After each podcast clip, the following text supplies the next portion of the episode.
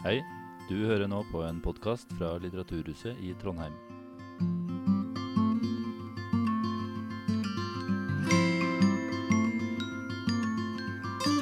Takk.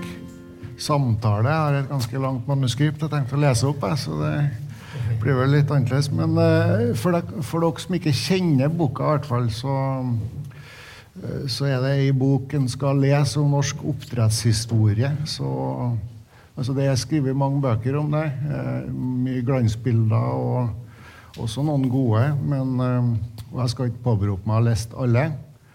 Eh, Men jeg kan garantere at jeg har lest den beste, og det er den her. Nye fisken. Og hvis det er noen da som ikke har lest den, så tar vi oss tid til et lite kjapt resymé. Så vi er on the same page, som heter på nynorsk. Boka har jo undertittel, den nye fisken har undertittel 'Om temminga av villaksen og eller laksen og alt det forunderlige som fulgte'. Og det er ei forunderlig historie. For hva er det som skjer når du plasserer en ny art i fjorden? Hvordan påvirker andre fisker, elvene, fjordene? Eh, og boka starter da med Trygve Gjedrem, som vi kaller oppdrettslaksens far. Eh, han avla jo fram den fra ulike villaksdammer og, og på en måte temma fisken. da. Så kom eh, det her pionerene på slutten av 60- begynnelsen av 70-tallet, hvor det grøn, Grøntvedt-brødrene fra Hitra sant, de var ute med oppdrett i Merda. Eh, Først eh, utsatt 18. mai 1970 regnes liksom som eh, den virkelige starten. Eh, og det kom via en tilfeldighet. Det var en eh, som drev med karproduksjon på land, som eh, plutselig har ei pumpe jeg, som stoppa, og dermed så måtte han prøve å berge laksen. Kasta han ut i not i sjøen, og så så de at ja, det kunne kanskje være en idé. Eh, boka tar oss gjennom historier fra eh, pionerene fram til i dag. Reguleringer, forskning, politikere, kritikere, alt som hører med. Eh, Det er historier om sykdom, eh, lakselus, rømming, helsebekymring, velferdsbekymringer, lobbyvirksomhet. Det er også suksesshistorier sant? eh, om internasjonal ekspansjon, om storindustri, Norges nest største eksportnæring, vare. Og igjen da historier om forskere som er knebla. Eh, Myndighetene sin eh, ganske oppsiktsvekkende logring for lobbyisme og nokså grelle eksempler, eller veldig grelle eksempler, vil jeg si, på politikere som har latt seg forlede og styres av en næring med et etter hvert enormt sjølbilde. Jeg tenkte å sitte litt fra Jon Rongliens anmeldelse i Dagbladet. Hva snakker de om når de snakker om oppdrettsfisk?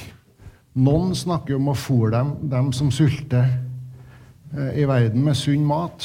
De prater om arbeidsplasser i distriktene, glade barn i barnehagene, vitenskapelig stormskritt, kystkultur og den nye oljen. Andre snakker om døde fjorder, tungmetaller, manipulering av arvestoff, rasering av regnskog, skattesvik, overfiske i u-land og lovlig eh, tortur i kampen mot lakselus. Begge sidene kan ikke ha rett. fleste av oss eh, som hører på, eh, har nok langt flere spørsmål enn svar, og vi trenger fakta. Og da sier Rognlien denne boka gir oss de faktaene.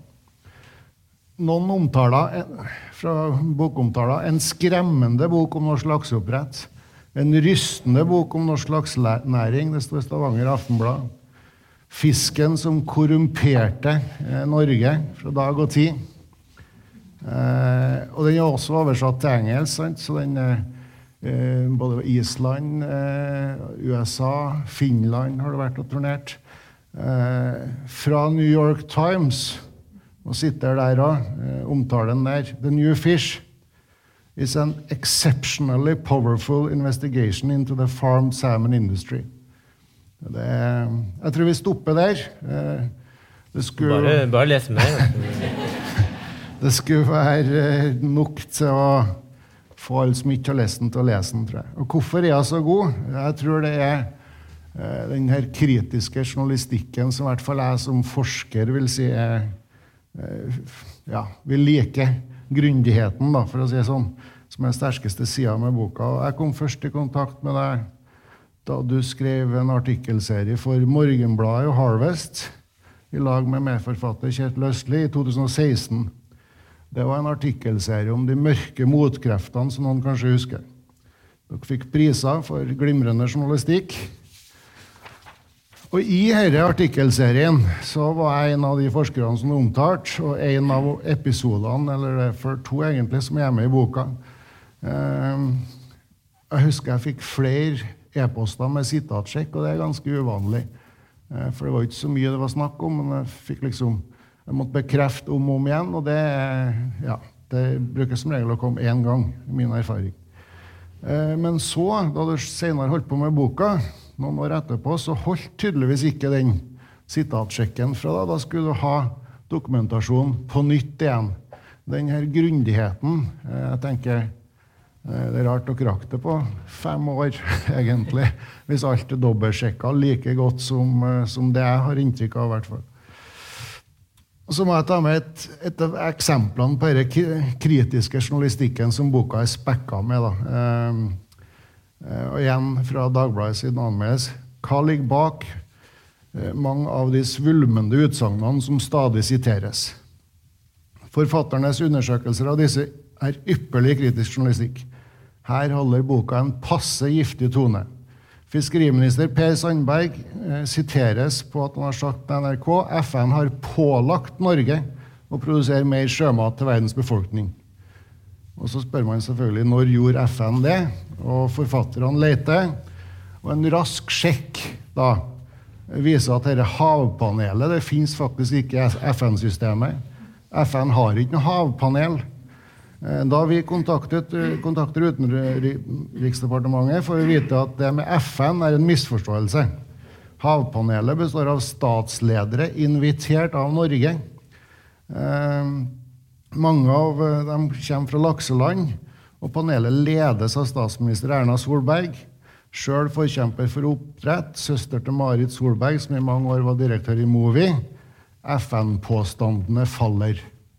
Så det er det er sånne ettergåelser av sånne påstander. Det er ganske interessant å lese, for å si det mildt. Før vi starter en dialog, eh, så vil jeg bare oppsummere min analyse etter å ha lest boka nå faktisk en tre-fire ganger. Eh, jeg finner stadig noe nytt. Det er ikke overraskende for meg selvfølgelig at næringa er såpass kynisk og god på lobbyisme. Det, det kjenner vi til, og det er på en måte deres jobb. Ehm, så det er sånn som det skal være. Det som er overraskende, er hvor godt de har lyktes med å få med seg myndigheter, eh, forskningsinstitusjoner, politikere til å fremstå som egentlig logrende og ganske korrumperte. Eh, ja, for å si det litt forsiktig. Eh, nå kommer vi inn på etter hvert, alle de forskerne Vi skal komme inn på dem som har gitt opp. skal nevne dem. De har blitt pressa ut, sagt opp, fordi de forfekta vitenskap som næringa ikke liker. Og det setter Per Sandberg han lanserte et uttrykk eh, når han var fiskeriminister næringsvennlig forskning. Det setter, det næringsvennlig forskning i et veldig uheldig lys. Uh, fordi at Hva som skjer når man hele tida presser ut dem som er kritiske, og prøve å, og prøver å sjekke fakta, jo, da ender du faktisk opp med forskere som opptrer som en heiagjeng. Eh, og det er meget godt dokumentert da, i, i denne boka. Ja, først, Simen. Eh, vi må vel ha litt dialog? Ja, takk for en veldig bra Takk for veldig bra introduksjon. Hvis du har lyst til å si noe? Nei. jeg tenker, Du har jo du har vært i over eh, Du har sikkert holdt godt over 100 foredrag. Du har vært som sagt på Island, eh, møtt statsministeren. Eh, presidenten. presidenten ja. Og Finland, USA. Men du har også turnert mye i Norge. og jeg lurer litt på hva Er, er det noen av de her responsene som har, er noe som har overraska deg i responsen når du har vært rundt? Um, nei, altså Hvis man blir overraska, så må man jo ha mye tanker fra før om hvordan ting skal være. Men det har jo vært litt mer sånn at eh, det ene har tatt det andre, da. Ja. Uh, underveis. Altså, vi starta jo med uh, Ja, først så hadde vi artikkelserien, så skrev vi denne boka som vi regna med at eh, kom til å selge kanskje 500 eksemplarer og bli lest av 1000 stykker. Og så viste det seg at, eh, at det var veldig stor interesse for det her. Da. At det var mange som utrolig nok eh, var interessert i å lese en så tjukk eh, bok. Um, og, og vi, vi fikk mange anmeldelser, gode anmeldelser. Og så reiste jeg da på en sånn turné gjennom hele Norge, opp langs kysten, egentlig. Um, mye sånne små samfunn der det var mye oppdrett. Um, Snakka med folk der. Um, og uh, et inntrykk fra mange av disse stedene var jo at det, uh, det var veldig Det var liksom touchy. Så det, det, var litt sånn spenning i lokalmiljøet ofte før, før jeg skulle komme. Um, og um, når, først, når, folk først dukka opp på disse møtene, så, så var de kanskje litt uh, forsiktige med hva de skulle si. Da, for det er jo uh, Lakseoppdrett er jo veldig viktig i mange av disse samfunnene. Og hvis man liksom går ut åpent og kritiserer næringa, så, så, så, kan man få uh, folk mot seg. noen kan kanskje være redd for Uh, ja, de skal jo ha jobber og sånn i, i, i framtida. Um, så det var litt sånn spent stemning, og, og noen som liksom snakka ut om at uh, de var egentlig ganske kritiske, men det var vanskelig å komme fram med den kritikken. Um, så jeg tenker at de, de møtene, eller folkemøtene, eller hva, hva man skal kalle det, var sånn hjalp til å få litt dialog på mange av de stedene, da.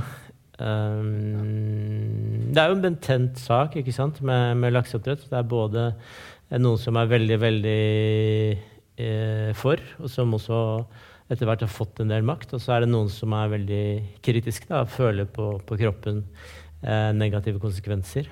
Eh, så da blir det sånn eh, liksom, Lufta står og dirrer når man kommer inn i et rom og skal snakke om lakseoppdrett. da. Men eh, det jeg føler Man har jo skrevet sjøl noen kritiske eller eh, kronikker eh, opp igjennom. Og næringa er jo ekstremt rask på banen vanligvis med en to-tre knallharde motinnlegg som forteller alle hvor idiot du er. Eh, men det kom ikke noe sånt i dette tilfellet. Nå vet jeg at dere hadde en sånn liten eh, smart strategi, men, men jeg føler jo kanskje at dere fikk en litt sånn tie i hjel, en litt sånn silent treatment av næringa, men det lå kanskje en historie bak? En strategi bak? Um, altså, altså, Du nevnte at vi hadde brukt uh, mye tid på å faktasjekke og sikre alle sitater og sånn. Um, og det var jo fordi vi visste at uh, her er en næring som har um, tradisjon for å på en måte lete fram feil. da. Um, og, og for, altså det er vanlig når man mm, jobber som journalist, så, så, lærer man seg det at um, hvis noen klarer å finne feil i en artikkel, så, så impliserer de at alt er feil. Mm. Så, så, da kan du bruke den feilen til å, å undergrave hele troverdigheten. Og så, mm, pluss at her hadde vi jo hatt en artikkelserie i forkant. Så vi visste at eh, kom, noen kom til å angripe liksom, troverdigheten vår, undergrave integriteten vår. altså Sånne ting kom til å skje. Så vi var jo litt sånn oppmerksom på det. Derfor så brukte vi da eh, hele den uh, sommeren jeg tror, jeg tror, vi brukte tre-fire måneder på å liksom gå gjennom hver eneste Vi gikk gjennom boka setning for setning, og så hver eneste gang uh, det var en faktaopplysning, så gikk vi tilbake og sjekka den. Um, så jeg tror, tror uh, Kjetil uh, mente at jeg begynte å bli gal ettersom jeg gikk og, og sjekka ting gang på gang. Um, men, um, men, det, fall, det var liksom for å da dokumentere hver eneste faktaopplysning, og så da kunne utelukke de der angrepene som vi visste at kom. da, fordi uh, vi hørte jo det sånn også da vi lanserte boka, ikke sant, at uh, ja, NRK ville lage en debatt med også Sjømat Norge, f.eks. Og så hørte vi da at NRK sa de, de sier at det er hundrevis av feil i boka deres. Um, uh, men, uh, men, vi klarte på en måte å få um, komme i forkant av at vi fikk lansert boka, og den fikk gode kritikker uh, før disse eventuelle angrepene kom. Da. Så um, så etter det så ble vi jo Ja, vi har fått litt omtale i Intrafish etter hvert. Men uh, vi har aldri blitt omtalt i Ilaks, f.eks.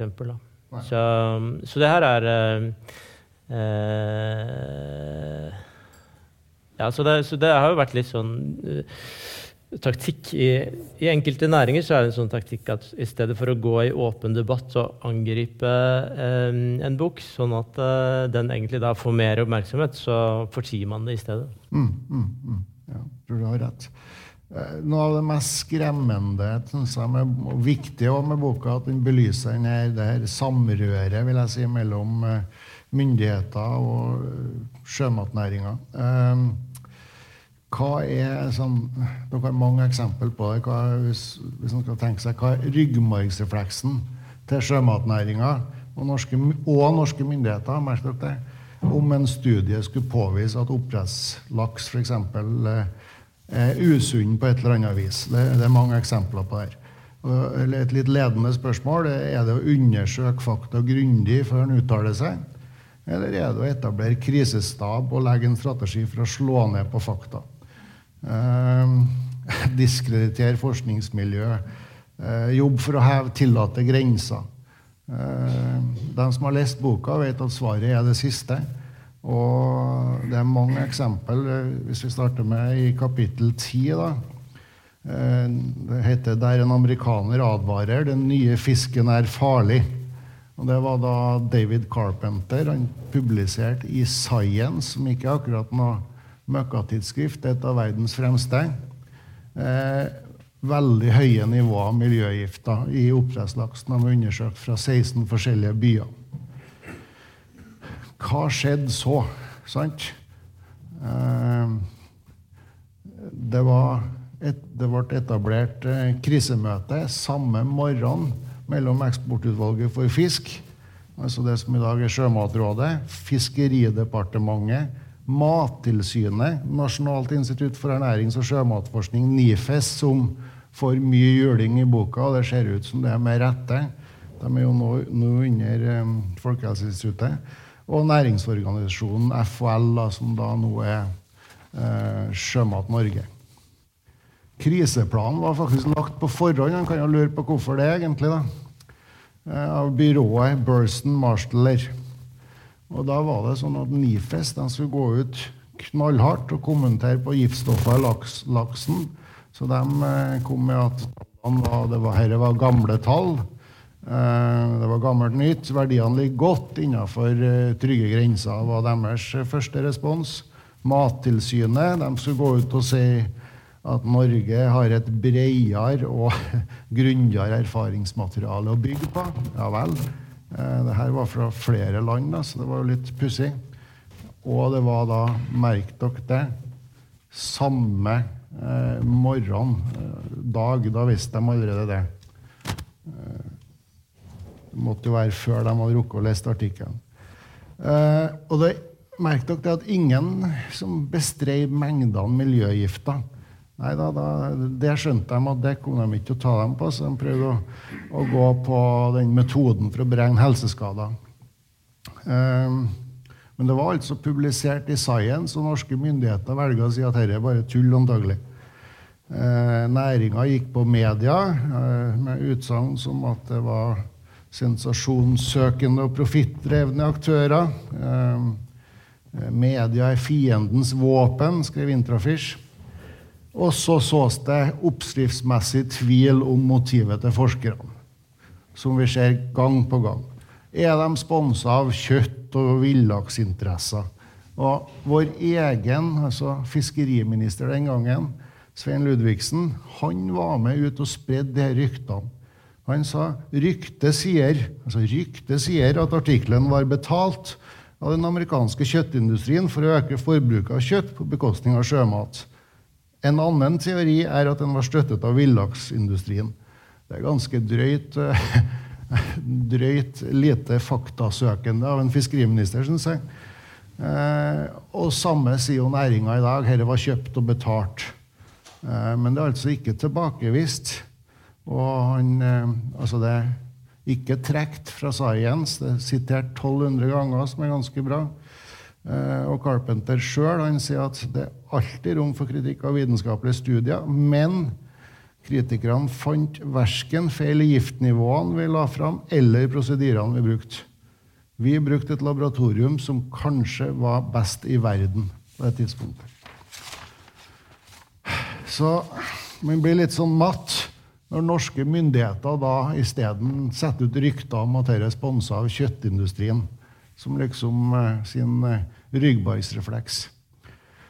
Eh, det er flere, flere eksempler. Nå la jeg igjen telefonen uti her, så jeg vet ikke egentlig hvor langt vi har kommet på klokka. Det var litt urutinert, for vi skal jo også snakke om lakseskatt. Jeg kan, jo, jeg kan, jo, kommentere på det ja. eksempelet. at Da henter jeg telefonen imens. Det som er, det som er interessant med det, er jo at uh, laksenæringen, lakseindustrien, ble etter hvert uh, så viktig for Norge, da, og, det er det fortsatt, at det, det på en måte blir um, en sak som gjelder uh, Norges sikkerhet. Altså det, er ikke, altså det er norsk utenrikspolitikk, da. Uh, og da får også Norge da, i disse eksemplene, så får Norge også en, en rolle der man da som, som altså stat og næring sammen skal forsøke å tilbakevise og angripe forskning. Eh, det, det, er jo veldig spesiell eh, sånn nasjonal interesse å ha. da. At, eh, at man eh, som, som, stat skal angripe forskning. da. Ja, og det bringer oss jo rett over i gode kadmium-eksempelet. Eh, da, og da dere begynte å nøste i den saken, så opplevde dere at det skjedde noe rart. skrev dere. Folk slutta å ta telefonen. Dere får avslag på innsynsforespørsler, nettopp som du sier, av hensyn til Norges utenrikspolitiske interesser. Det dreier seg om mattrygghet, og det er da utenrikspolitiske interesser som styrer om man får innsyn. Eh, og dere bestemmer dere for å sjekke opp det her med laksen og alt det kadmiumet, for det var en enorm mengde kadmium i fôr. Skal jeg forklare ja. saken? Nei, altså Så Det som skjedde, det var vel i, i 2006, var det ikke det? 2005. Eh, Russland sa at eh, eh, laks importert fra Norge hadde for mye kadmium i seg. Det er alvorlig. Det er tungmetall. Det er giftig. Eh, så, så, Norge benekta det. Det, det, var, ikke, det var ikke mulig å, å tro. Um, Mm, så viste det seg da at det hadde vært en um, episode sånn uh, snaut år før, um, der det var et parti uh, som kom fra Kina med noe sinksulfat. Uh, som skulle blandes inn og brukes i laksefôr over hele Norge.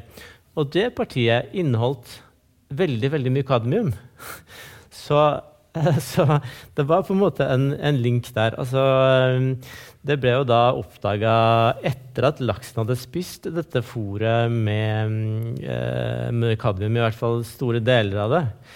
Eh, så da var det liksom en sånn uh, diskusjon. Kunne det være mulig at uh, dette kadmiumet hadde endt opp i fisken som kom til Russland? Eller var det bare sånn at russerne Eh, løy om, eh, om, det her, fant det opp for å bruke det i, i sin utenrikspolitikk. Eh, var det, eller var det sånn, hadde russerne fått med seg at det var, hadde skjedd et sånn uhell med kadmium som Norge drev og dyssa ned, og på en måte brukte det for å dra opp med oppmerksomheten. Så dette mm, Det kom vi for så vidt eh, ikke helt til bunns i, men eh, det var i hvert fall sånn at eh, det var jo da en forsker Eh, i Bergen på, på Nasjonalt eh, institutt for sjømat og ernæringsforskning, som, som, eh, som, hun da mente at kanskje russerne kunne ha rett. Og, og hun ble da jeg skal ikke si at hun ble kjeppjaga ut av landet, men hun ble da kalt femtekolonist og eh, mer eller mindre sparka fra jobben sin. Så, men igjen så er det på en måte interessant å, å nøste i disse tingene der Norge har veldig sterke nasjonale interesser og, og ønsker å eh, beskytte det som er den nest viktigste eksportartikkelen. Um, så at uh, laks på en måte blir storpolitikk. Ja, og igjen så satte de jo norske stat mot forsker Betune, jeg vet ikke helt uttale navnet, Claudette, uh, for brudd på lojalitetsplikten. Og regjeringsadvokaten ble satt på saken, og det finnes ei mappe som da er hemmelighetsstempla. Men hun fikk jo i hvert fall en tilrettevisning og, og fikk ikke jobb på laben og fikk ikke undervise. Da er det litt vanskelig å jobbe antagelig som forsker, vil jeg tro. Men det som dere har undersøkt etterpå, er jo hva mener folk som var involvert, og, eller sånn, som kjente saken på den tida. Og Erik Slinde, som da var forskningsdirektør i Havforskningsinstituttet, han sier at uh, hun hadde selvfølgelig rett. Uh, Bjørnar Jacobsen, som var tillitsvalgt i Mattilsynet, sa det var en veldig rar behandling. Uh, han følte det ble, var lemfeldig, uvanlig lite grundig, og mente at Mattilsynet la lokk over saken. Overfor russerne hevda vi at nei, det kunne ikke ha skjedd. Det var Norges offisielle holdning. Eh, men det var jo allerede i 2003 funnet fiskeolje med 18 ganger mer kadmium, så det var jo noen år før det her i Norge. Eh, og fôret var ofte Eh, mye kadmium i eh, fra de her eh, fôrprosentene. Men Norge har en metode når det oppdages mye av et eller annet stoff. Og det er da en ganske standard metode. Næringa sponser forskning som skal finne ut hvor mye kadmium kan vi spise før vi tar skade av det. Så har vi Mattilsynets utsending, eh, som tar med seg denne forskninga til EU, sin faste komité for matsikkerhet og dyrehelseseksjon i Brussel. Eh, og med god kløkt og støttespillere så får man da gjennom økte grenseverdier. Og vi har altså kjempa for å få, og vi har klart å få gjennom høyere fluor.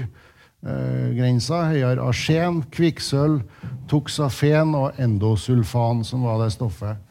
Eh, det her er altså uh, spørsmål om hvor mye uh, miljøgifter og, og, tungmetaller og sånt som det er lov å ha i laksefôret.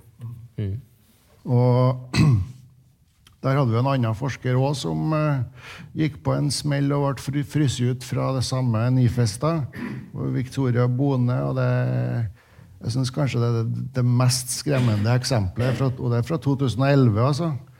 Da fikk Norge gjennom ei tidobling av dette eh, endosulfanet. Og, og, og, det til tross for at Veterinærinstituttet mente det var uforsvarlig av tre grunner. Den viktigste var kanskje at, eh, at de nivåene man hadde før den tidoblinga, også var, kunne være eh, for høy, mente de. Altså helseskadelig for laks, da. Sjøl med den tidligere grensa. Og, og, og det her er et sprøytemiddel i klassen persistente organiske miljøgifter som det er svært vanskelig å bli kvitt. Men Norge kjemper altså fram en tidobling fordi at eh, det er i havbruksnæringas interesse. Så ja, man blir litt matt av eksempel etter eksempel. Eh, lurer på Rekker vi flere eksempel? Ja, jeg syns kanskje vi må ta dette med Eh, den eh, spesialdesigna laksen som eh, det kom ut i The Sun at gravide burde spise mer laks. I, og det tror jeg var i 2016. En ganske spesiell historie. Nifes igjen, som er inne og sponser forskninga. Hva var det som skjedde? Husker du storyen? Uh, ja. Um, det var altså del av en slags sånn satsing der man skulle uh, forske for å uh, mer eller mindre dokumentere at det, det, var sunt å spise laks. Og det, det høres jo, jo bra ut. Eh, men man skulle da dokumentere også at, eh, at det var eh, sunt for eh, gravide å spise laks. For det, det, fordi laksen hadde mm, miljøgifter, så, så var det egentlig et råd mot at gravide burde ikke spise, spise denne laksen. Eh, Så gjorde man da et forsøk der man skulle mm, ha gravide kvinner til å mm, eh, spise laks, og så skulle man undersøke barna eh, om de hadde tatt skade og sånt. og det hørtes jo bra ut å, å, å på en måte teste det, men de fikk da mm, innsigelser fra, fra etisk råd i forskningen. Så fordi hvis, hvis man ga vanlig oppdrettslaks til gravide, så kunne det skade fosteret. Så, så det var ikke bra. Så det de gjorde da, var at de spesialdesigna en laks som hadde mer omega-3 og mindre miljøgifter. Eh, veldig lite miljøgifter. Så ga de den laksen til de gravide. Um, og så viste det seg da at uh, de gravide som hadde spist den laksen, når de testa barna, så hadde de mindre sjanse for å få astma. Ehm, og da gikk det ut nyhetsmeldinger da i 70 medier rundt om i verden. Eh, spis laks for å beskytte barnet ditt mot astma. Eh, men det som ikke kom fram i de artiklene, da, det var jo at eh, de hadde jo ikke spist en vanlig laks. Eh, fordi det ville vært uetisk å gi dem en vanlig laks, fordi det kunne skade fosteret osv. Så, videre. så, de, så de hadde da spist noe annet da, enn det man kjøpte i butikkene. Eh, og det, det kanskje, høres kanskje litt sånn innfløkt ut, men eh, når man går inn i det, så, så er det veldig spesiell eh, forskning, da. Ja, og det er enda mer spesiell bruk av forskninga. For det er jo når NIFES da går ut og anbefaler at man skal spise mer laks, og de vet at den laksen er ikke den du får kjøpt, for den er, den er etisk uansvarlig å gi gravide i et sånt forsøk. Da er det ganske Da er det langt, da. Og dette det er ikke forrige århundre, det er 2016. Um, ja. Jeg hadde mange flere eksempel med hun Eggesbø, eh, Bjørke Monsen, og, men jeg tror vi må etter hvert Det var jo annonsert at vi skulle snakke om lak, nei, lakseskatt. Ja. Uh, så jeg tror vi prøver å bevege oss litt over mot det. Uh, og da er innledninga litt sånn at eh, ja, Det er jo ikke bare ernæringsforskere som har latt seg kjøpe og forlede. De var innom egen profesjon òg. Eh, I 2014 eh, så fikk eh, sjømatnæringa beskjed om at den kunne få vokse, eller relatert, for det var på en måte starten. Kunne få vokse hvis den var mer bærekraftig. Og da ba man en professor i samfunnsøkonomi om å undersøke om den var bærekraftig. Og han skrev en rapport Atle Guttormsen i lag med eh, Frank Asche, to fremstående samfunnsøkonomer. Og rapporten da Den sa faktisk da, når den kom, at eh, det var små og ubetydelige miljøproblemer i oppdrettsnæringa. Dette var i 2014, så vidt jeg husker. NIBIO, som skulle gi den ut, Norsk institutt for bioøkonomi, de syntes det var såpass tvilsom konklusjon at de nekta å gi ut den rapporten. Eh, men eh, men eh, dette var altså rundt samme tida som like før første gang at Riksrevisjonen sa at norsk oppdrettsnæring ikke i hele tatt var bærekraftig. Så det er en ganske spesiell forskning antagelig som vi så et eksempel på der. Og da begynner vi etter hvert å komme til hvorfor skulle man vokse? Jo, fordi det kastes så mye av seg lokalt. Så er det andre samfunnsøkonomer som har undersøkt det, f.eks. i Tromsø. Eh, om hvis man legger ut en fjord for oppdrett, blir, kaster mye av seg lokalt. De fant faktisk ut at at det til og med kunne bli negativt for lokaløkonomien hvis det ikke var eh, lokale eiere. Og det vet vi, det er det jo i mindre og mindre grad. Eh, og dermed så dukker det gjentagende spørsmålet opp når vi lar noen bruke fjordene våre, skal ikke komme nå tilbake til fellesskapet. Eh, og det var, virka som det var egentlig enighet om, så Erna Solbergs regjering skrev sjøl i 2014 at naturressurser bør beskattes. sånn at overskuddet tilfaller fellesskapet. Og Grunnrenteskatt var allerede da foreslått av et utvalg i 2014. Og til og med NHO var enig at man burde eh, bedre utnytte potensialet for å skattlegge grunnrenta fra naturressurser. Og For dem som ikke vet hva grunnrenteskatt er, da, så er det når du har en ekstraordinært overskudd i en bransje, men, og det ekstraordinære overskuddet skyldes at du utnytter en naturressurs og så er det noen sånne ulike versjoner av det. Du kan også ha en reguleringsrente. altså Det at norske myndigheter begrenser sånn at bare noen få får, gjør også at det blir en, en, et ekstraordinært overskudd. Og det er ikke så nøye liksom akkurat eh, det, om det er reguleringer Det er jo en kombinasjon av reguleringer og at utnytter en naturressurs. Sånn som petroleumsskatten. Sant? Eh, så så da, kom, da satte man ned etter hvert et utvalg fordi at SV foreslo produksjonsavgift. Eh, det vet alle økonomer at ikke er sånn spesielt eh, godt forslag. Eh, det er bedre med en grunnrenteskatt fordi at den er nøytral. altså Staten går inn og tar samme andel av kostnader som av inntekter. Og da er det fine da, at den ikke påvirker investeringsmotivet. Mens det det, det motsatte skjer hvis det er produksjonsavgift, for da blir det sprik mellom det som er bedriftsøkonomisk lønnsomt, og det som er samfunnsøkonomisk lønnsomt. Da må bedriftene ta mer risiko, og staten får mer, en større andel av fortjenester og ingen, ikke noe av risikoen. Så kan man spørre hvorfor går næringa da ut og sier at de vil ha eh, produksjonsavgift heller når de blir så stilt overfor denne grunnrenteskatten. Jo, det er for en økonom veldig enkelt å forstå. Eh, fordi at de vet like godt som alle økonomer at du kan ikke sette en veldig høy produksjonsavgift. For da vrir du investeringene så voldsomt i negativ favør. Eh, så da forandrer du atferden til aktørene. Grunnrenteskatt kan du i prinsippet heve veldig høyt. Se i olje, der er, på, der er samla skattetrykk på over 80% Det investeres fortsatt.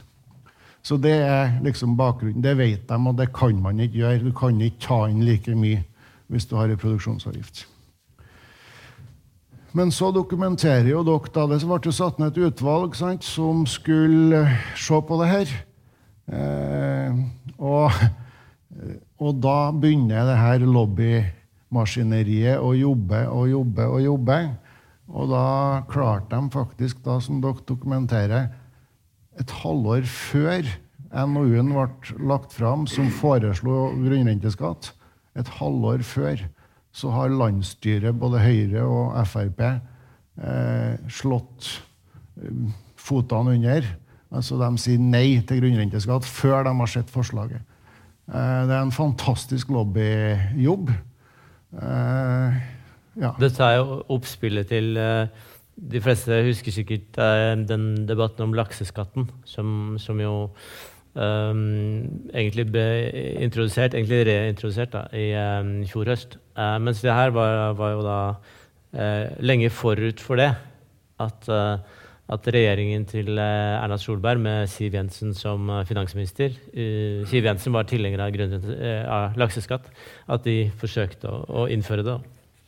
Så, så det som vi eh, undersøker i, i, boka, var på en måte um, Ja, her var det altså et forslag om en sånn uh, lakseskatt. Og for så vidt noe som alle partiene støtta i intensjon. Men så klarte man da å, stoppe det før Altså mens utvalget Eh, jobba, som lagde denne NOU-en, mens, mens, de jobba, så klarte man å stoppe det gjennom, å, eh, gjennom lobbyvirksomhet mot partiene. Så, så, jeg er veldig interessert i sånne politiske prosesser. Jeg har jo studert statsvitenskap, så jeg syns det er veldig interessant å studere hvordan eh, politikk blir til, da, hvordan sånne prosesser eh, skjer, og også hvordan eh, en næring eventuelt eh, jobber, da, både retorisk og sånn praktisk, for å å få fram eh, eh, ja, for å, for å um, på en måte utøve makt. Da. Stoppe en sånn skatt. Og igjen hadde de et grep med å ansette eller eh, betale to meget gode professorer i samfunnsøkonomi, Bård Misund og Ragnar Tveterås. De skrev kronikk opp og i mente og kritiserte dette grunnrenteforslaget lenge før det var lagt fram. Eh, og sa at det var teoretisk, det var virkelighetsfjernt, det kom til å stoppe alle investeringer. Eh, og det holder de på med en kjempekampanje rundt landsmøtene til de partiene et halvår før det skulle legges fram. Og eh, de glemte da dessverre å nevne at de hadde fått 3,3 millioner for å skrive det her, men det Fra næringa? Mm, ja, det kom jo fram seinere. Uh, ja. Mm. Så uh, det jeg tenker i hvert fall at Som sagt, som du nevnte, så kom jo denne skatten tilbake, og den debatten går jo enda. Men det, som, det var litt som når dere lanserte boka. Det kom litt som lyn fra klar himmel i fjor når, de lanserte, når Vedum lanserte lakseskatt. Og det tror ikke jeg var tilfeldig. Det tror jeg. Jeg tror eh, det er en annen politiker som har lest og sett hva som skjedde første gang, eh, og hvor sterke de kreftene er. Og dermed så kom det bang! Eh, en lakseskatt. Og likevel, merk dere det, så har næringa med å så tvil i alle retninger om at lysene skal slukkes langs kysten osv., så, videre, så har de da klart å få denne lakseskatten ned fra 40, som det ikke var til å rikke ifølge Vedum først. Og nå er den altså ned i 25% i det endelige forslaget. da. Uh, ja, nei, det, altså, men, så den lyktes ja, jo. Ja, det, det var jo Eh, veldig interessant eh, i og med at vi studerte hvordan de mm, jobba for å få stoppa den skatten. Eh, I første omgang så var det interessant å se liksom, etter boka kom ut, eh, at det forslaget om eh, lakseskatt da kom tilbake. Eh, og hvordan det da utspilte seg. Altså, mm, det var jo i utgangspunktet en ganske populær skatt, og, den hadde stort flertall. Den har hatt det i alle landsdeler, og i alle mm, spørreundersøkelser så, så, har det vært stort flertall for den skatten. Uh, og det var også mange jeg tror også mange i de politiske miljøene som følte seg litt lurt, i og med at uh, her var det et forslag som, som alle liksom fagøkonomer stilte seg bak, da, som, som, som var fornuftig.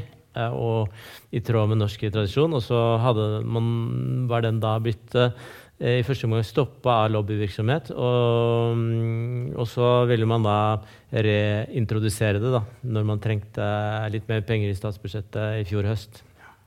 Så var det ekstremt interessant å se eh, den debatten, hvordan det utspilte seg. da. Eh, om det da var mulig å få eh, stoppa det en gang til og på en måte alle de ulike stadene i det, da. Um, I første omgang så var det jo da um, uh, hvordan lysene ville uh, stoppes på kysten og sånt. Og mange politikere, bl.a. Um, uh, Frp-politikere, som hadde mange møter med næringen og sånt noe. så man etter hvert at det kom sånn masse permisjoner, nei, permitteringer. Um, og, og, etter hvert så ble jo det en sak som ble i hvert fall uh, brukt som et argument for at regjeringen ble så upopulær. Så, så, det utspilte seg på en måte den, den, Det som vi beskriver i boka, var på en måte kanskje en slags, slags sånn epilog da, til det, den store debatten som da endte med at man gikk ned fra en skatt på 40 til um, 25 da, som en sånn kompromiss. Ja, men jeg tror ikke at det ble avslørt det der hvordan det foregår. For det er et paradoks hvis en regjering oppnevner et utvalg, og de samme regjeringspartiene sier nei et halvår før forslaget skal legges fram. Det, det, da skjønner alle at her har det skjedd noe som ikke er helt bra. Men jeg tror det er en av grunnene til at det faktisk kom en lakseskatt. Altså det at eh, Vedum man mangla litt penger, det var det ene eh, når han skulle legge fram statsbudsjettet. Finansdepartementet tror jeg var mektig irritert over eh, at det ble dokumentert hvordan det hadde skjedd forrige gang. Og mye av det skyldes, tror jeg, at folk og politikere har sett dokumentasjonen på hvor, eh, ja, hvor tvilsom prosess det der var forrige gang. Så Vi må kanskje avrunde litt. Det er jo mange, sånn mange ting å dekke. jeg bare avslutt sånn- med kommer det en oppfølger. Eh, ja, så nå har jeg bare jobba med å følge opp uh, boka, fordi det, det har skjedd mange ting eh, eh, rundt det. Men uh, eh, Og det som, det som jeg liker nå, er jo at eh, mange andre har latt seg inspirere.